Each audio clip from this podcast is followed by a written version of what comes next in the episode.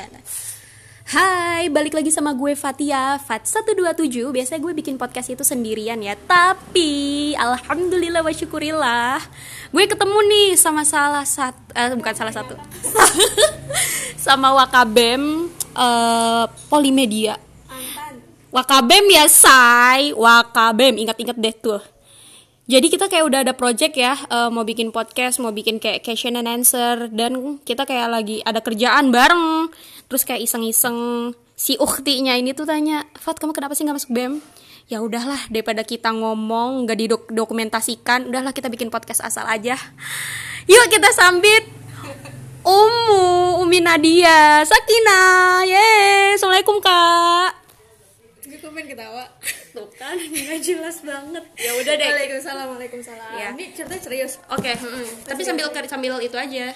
Jadi eh, kan tadi kan kakak ngomongin eh, kenapa sih gue nggak masuk bem gitu. Sedangkan karena dia ini dia itu kita kenalan dikit ya. Dia ini nih wak- beliau ini beliau Ya beliau. itu wakil ketua badan eksekutif mahasiswa periode berapa? 2017. 2017 2000 berapa eh 2017 berapa sih masa jabatan? Setahun. Setahun ya? Berarti 2017 aja. Sebelumnya nih gue mau nanya gue sebagai mahasiswa politeknik tahu banget betapa padatnya kegiatan kita walaupun beda prodi ya tapi pasti tetap padat kan? 60% praktik. Tapi kenapa lo tetap mau membagi waktu lo itu untuk berorganisasi? Salah satunya dengan masuk badan eksekutif mahasiswa apalagi menjadi wakil ketua BEM Why are you choose that way? Berat banget pertanyaannya. Ya kenapa? Kenapa gitu loh? Kok lo mau? Eh, panggilan hati. Asik. Oke, some of them uh, Panggilan kayak- hati. Panggilan hati. Kayaknya itu kurang kuat ya. Gak mungkin sih panggilan hati. Apa sih yang memotivasi lo? Apa ya? Jadi gue tuh tipikal orang yang ketika ada suatu sistem yang misalnya itu nggak berjalan sesuai dengan sistemnya gitu. Kayak hati gue tuh bilang, ini harus diomongin gitu. Ini tuh harus diperbaiki. Jadi kenapa pengen masuk BEM? Ya karena itu. karena ngelihat ada misalnya something sesuatu masalah yang terjadi di sekitar kita tapi nggak ada yang bisa untuk eh, maju untuk memperbaiki gitu nah di situlah tergerak hati gue untuk oh kali aja gue bisa ngubah itu gitu atau enggak oh gue bisa bermanfaat nih buat orang lain karena karena bisa jadi dia nggak bisa untuk maju karena eh, dia bukan yang nggak bisa tapi kemauan dia untuk maju tuh belum belum belum kuat gitu Oke, tadi itu lo bilang panggilan hati ya kak ya. Nah, eh, setelah lo masuk BEM dengan alasan panggilan hati, lo merasa eh, it's time for eh, I have a change for changing something that eh, kayak nggak sesuai gitu. Eh, lambat laun, akhirnya masuklah masa di mana pemilihan wakil ketua BEM. Kenapa lo yang dipilih atau hanya lu yang dijadikan referensi atau tumbal? Wah tumbal ya saya santet. Gimana nih kak? Eh aduh ini sebenarnya sesuatu yang harus dilupakan atau dikenang ya. Jadi pertama-tama gimana ya aku ceritanya ya?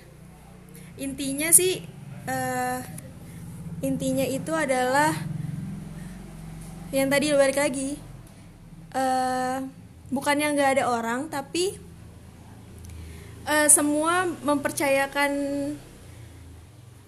gimana ya? Bisa dikat gak nggak bisa nggak bisa. Gue nggak mau ngekat sih. Nggak mau ngekat ini pure ya. Astagfirullahaladzim. Ini tuh Not dadakan banget. Gue nggak bisa jawab tau. Ya udah. Gimana nih lo Gimana ya? sebagai yang berpengalaman nih say? Tadi pertanyaannya apa? Eh, kenapa lo yang dipilih deh? Kalau di nih jujur ya pas saat penyalonan eh, bem saat itu gue tuh calon tunggal sebelumnya nama bem apa namanya nama Oh. peri apa Kabinet, kabinet. Mm. Nah sebelumnya kabinet gue tuh namanya kabinet terbang tebar kebanggaan. Nah itu hasil inisiasinya Pak Ketua sih Dani Lukito. Eh, Mm-mm. Assalamualaikum Mbak Dadi. Aduh. Kok pakai say? iya Dani Lukito sebagai ketua BEM-nya dia menginisiasi eh kenapa kok kita namanya terbang aja gitu tiba-tiba tuh lagi diskusi lagi diskusi mengenai pencalonan bingung kan?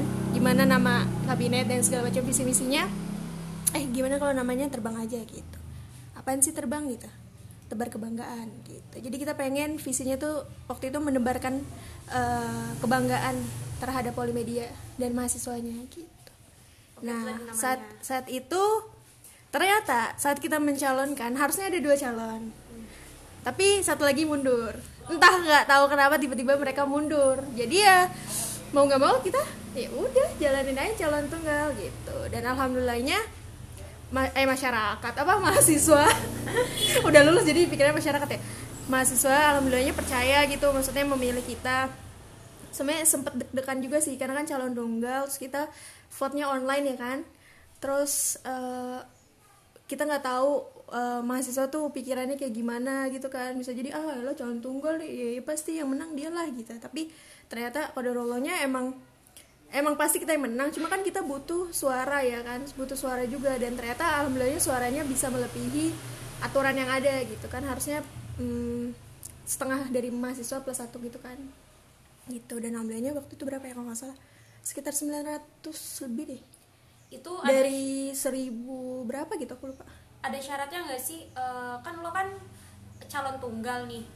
Uh, ada minimal suara nggak? Itu yang tadi aku bilang. Waktu itu kan mahasiswanya sekitar seribu hmm, berapa gitu yang ikut. nah nah mau nggak mau kita harus setengah dari mahasiswa yang milih itu 500 berarti. plus plus satu. Plus hmm. satu.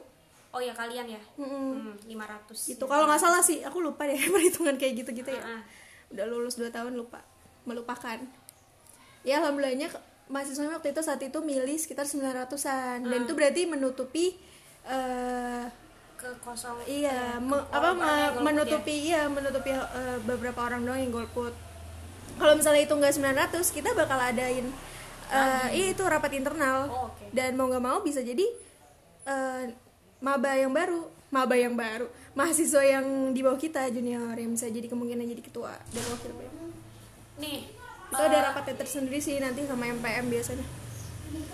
Saran nih uh, bukan saran tips and trick. Jangan yang berat-berat lah. How to survive uh, mahasiswa yang mau sibuk nih. Gak cuma pengen sibuk jadi gak berat loh. Saya aku tuh pertanyaannya ringan seringan badanku nggak ada yang bohong. Jadi nih uh, kita closing bentar closing aja. Uh, ada saran nggak kak buat uh, teman-teman kita yang masih jadi mahasiswa terutama yang pengen sibuk juga entah kerja atau mau ikut ormawa gimana sih biar bisa memanage waktu dan bisa almost kumlot lah kak Sakinah eh karena dia ini 3,20 IPK-nya. Eh, 3,4. Eh, maaf ya 3,4 gitu. Hampir kumlot. Gimana sih Kak? Lo kan sibuk tapi masih dapat IPK segitu. Sebenarnya kita harus bedain sih sibuk dan produktif sibuk itu ya sibuk doang mau ngapain tapi nggak produktif nah yang yang ngebedain itu adalah ketika kita tuh sibuknya itu produktif. Kan ada orang eh gue sibuk nih tapi nggak tahu apa yang dikerjain sebenarnya. Makanya dia nggak bisa membagi waktu gitu kan. Nah waktu itu saat itu ya uh, gue ngerasa ya itu gue udah punya tanggung jawab uh, dalam sebuah organisasi. Terus gue juga bertanggung jawab terhadap diri gue sebagai mahasiswa. Itu kan tanggung jawab gue terhadap orang tua. Sedangkan organisasi itu adalah tanggung jawab gue kepada mahasiswa karena mereka udah memilih gitu. Nah gimana cara yang membagi waktu? Kita kan umat muslim ya. Sebenarnya kita udah paham cara pembagian waktu. Ketika emang waktunya sholat pasti kita sholat dong. Nah sebagai maksudnya gimana sebagai umat uh, muslim Allah tuh sebenarnya udah menetapkan waktu-waktu ya ada azan. Menetapkan waktu-waktu yang seharusnya emang kita udah kita sendiri bisa bisa manage. Kita tahu jadwalnya sholat ya udah tinggalin segala pekerjaan yang kalo emang kita tuh? emang kita lagi kerjain gitu.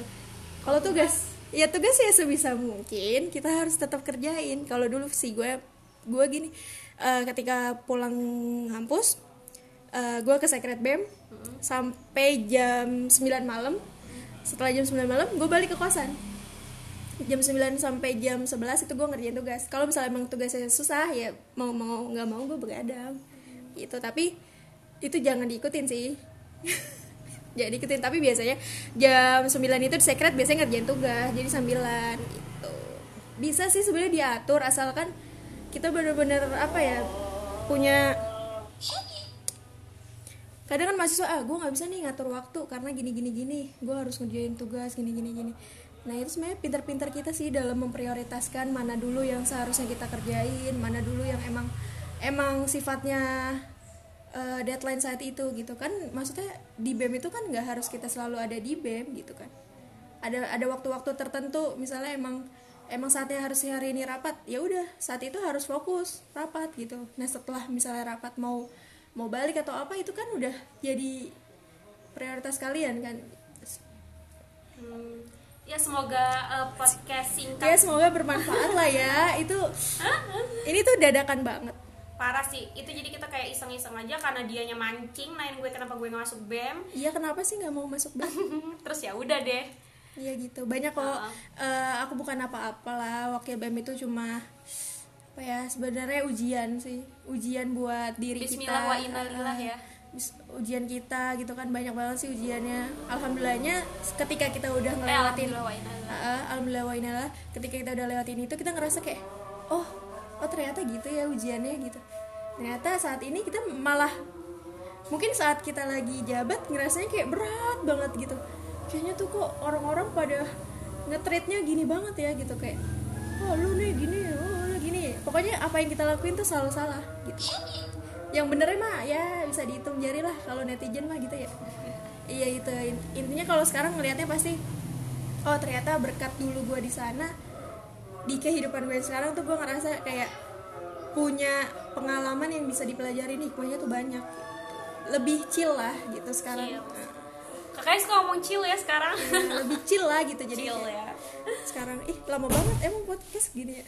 Gak apa-apa Sip, thank you ya teman-teman semua yang udah dengar uh, sedikit podcast gue sama Kanadia. Kalau misalnya kalian berminat nih untuk kita terusin, kira-kira ada lah pasti ya beb. Kira-kira pertanyaan apa sih yang pengen kalian tanyain? Entah itu tentang ormawa atau misalnya tentang perkuliahan. You have to fill on the box Oh maunya tentang jodoh Iya, aku mah mm, krik krik krik. Thank you for listening and see you in another podcast and bye bye.